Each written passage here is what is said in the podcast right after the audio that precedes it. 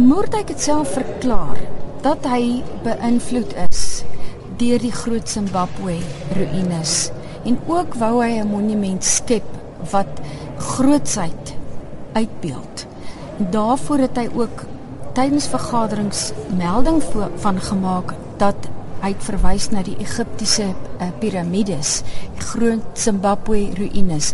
Maar mens moet ook in gedagte hou dat Moerdijk tydens sy studiejare in Londen ook op studiereise gegaan het. En hy het in briewe aan sy ouers geskrywe hoe hy beïnvloed is deur Venesiese argitektuur en dan veral die argitektuur in Florence. Met ander woorde, in sy studiejare het hy hierdie klassisisme in hom opgeneem en dit kom beslis uit ook in die Voortrekker Monument. Waarvan is die monument gemaak? Die monument is gebou van graniet wat oorspronklik gekom het uit die Messina distrik en later aan toe die groef uitgewerk was, het hulle ook graniet gebruik van 'n uh, area naby Pietersburg, Polokwane vandag. Mens kan verstaan dat die groef uitgewerk geraak het want ek meen as mens kyk na hierdie enorme gebou, hier is besonder baie graniet.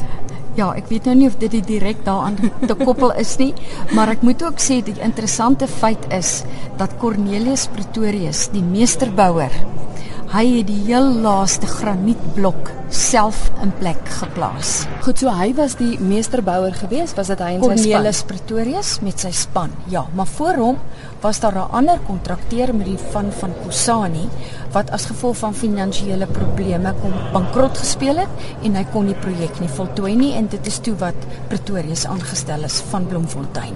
Hoe lank het dit geneem om die monument te bou? Ongeveer 11 jaar is gebou aan die monument.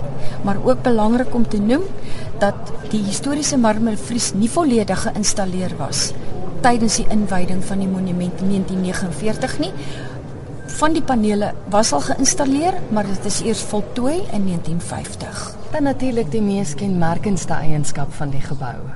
Die lig wat inval. Uit die aard van die saak. Elke jaar op 16 Desember skyn die son deur 'n opening in die dak op die senotaaf. Nou die senotaaf is 'n leë graf. Dit is simbolies van Piet Retief en die persone wat gesterf het. Is nie 'n sarkofaag nie. Daar moenie 'n verwarring wees tussen die twee nie. Dis 'n senotaaf. 'n Sarkofaag bevat beenderre. 'n Senotaaf is 'n leë graf. Op die hoek van die monument, op die vier hoeke, is daar ook granietbeelde. Vertel my 'n bietjie ja, van dit is die, die sogenaamde hoekfigure. Ehm um, dit beeld uit Andrius Pretorius, Hendrik Potgieter, Piet Retief en dan ook een van die hoekbeelde is net onbekende voortrekker en hy simboliseer dan baie van die ander leiers soos Piet Eys of uh Louis Trichardt. Dis ook uit graniet gekap Dis uitgekap deur die firma Sinclair. Frikkie Creer wat ook een van die kunstenaars was vir die historiese marmervries het ehm um, gipsafgietsels gemaak van die vierhoek figure. Maar omdat hy nie 'n bedrewe klipkapper was nie, het hulle die firma Sinclair gekry. En in sy diens was 'n sekere persoon met die naam van Zederberg en ook 'n sekere eisel en hulle het die klipkapwerk onderneem. Soos mens aanstap na die monument toe is hier ook 'n bronsbeeld van 'n ma en twee kinders. Vertel my 'n bietjie van die kunswerk. Ja, hierdie kunswerk is geskep deur Anton van Wouw. En dit is in brons gegiet en toe dit klaar was, was van Wouw glad nie tevrede met wat hy geskep het nie. Hy wou nog baie afrondingswerk daaraan doen. En hy het vreeslike briewe wisseling gehad tussen hom en Moerdijk. En op die ou einde het die SVK besluit dit is goed genoeg soos dit is. Daar kan nie nog ander uh, veranderinge aangebring word nie en ek het 'n artikel geskrywe oor Anton van Wouw en hoe hy ehm um, gewerk het aan hierdie moeder en kind beeldegroep.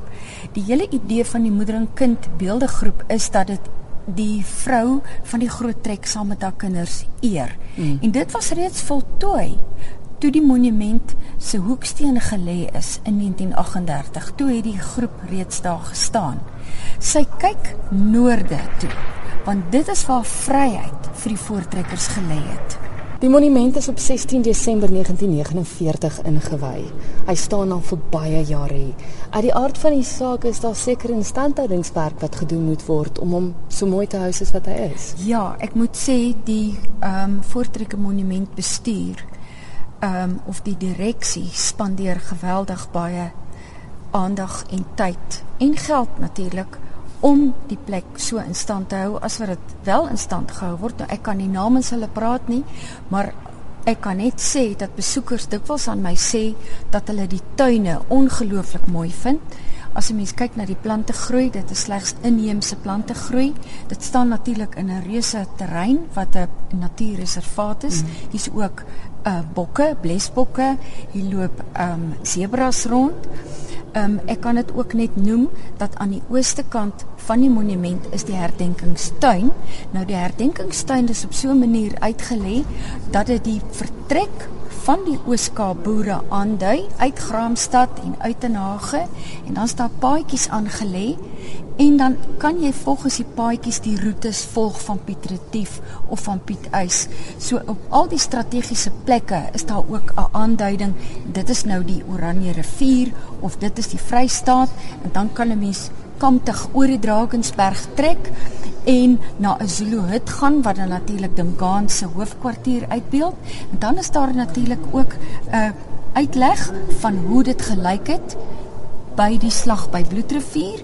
Bloedrivier se waans het nie in 'n sirkel gestaan nie volgens ons beste inligting, het dit in 'n hoofletter D vorm gestaan met aan die een kant 'n diep sloot en aan die ander kant 'n sekooi gat met die rivier, die Ngomo rivier wat deur die voortrekkers herdoop is as die Bloedrivier en dit is uitgelê en die kinders geniet dit verskriklik om in die tuin rond te loop. Want die ding is as mens hiernatoe kom, as jy so geneig om net na die gebou te kyk. Correct, die gebou self, ja. maar eintlik is hier so ongelooflik baie wat om die gebou. Hier is geweldig baie wat 'n mens na kan kyk. Behalwe die tuin en die herdenkingstuin, is daar ook die uh, erfenissentrum waar die geskiedenis van die Afrikaner verder vertel word nadat die groot groot trek afgeloop het, het die die persone natuurlik gevestig. Baie jare daarna kom die ontdekking van goud en vind ons die Anglo-Boereoorlog en van daar af verder vertel die erfenissentrum die geskiedenis van die Afrikaner. So dis nog iets om na te kyk.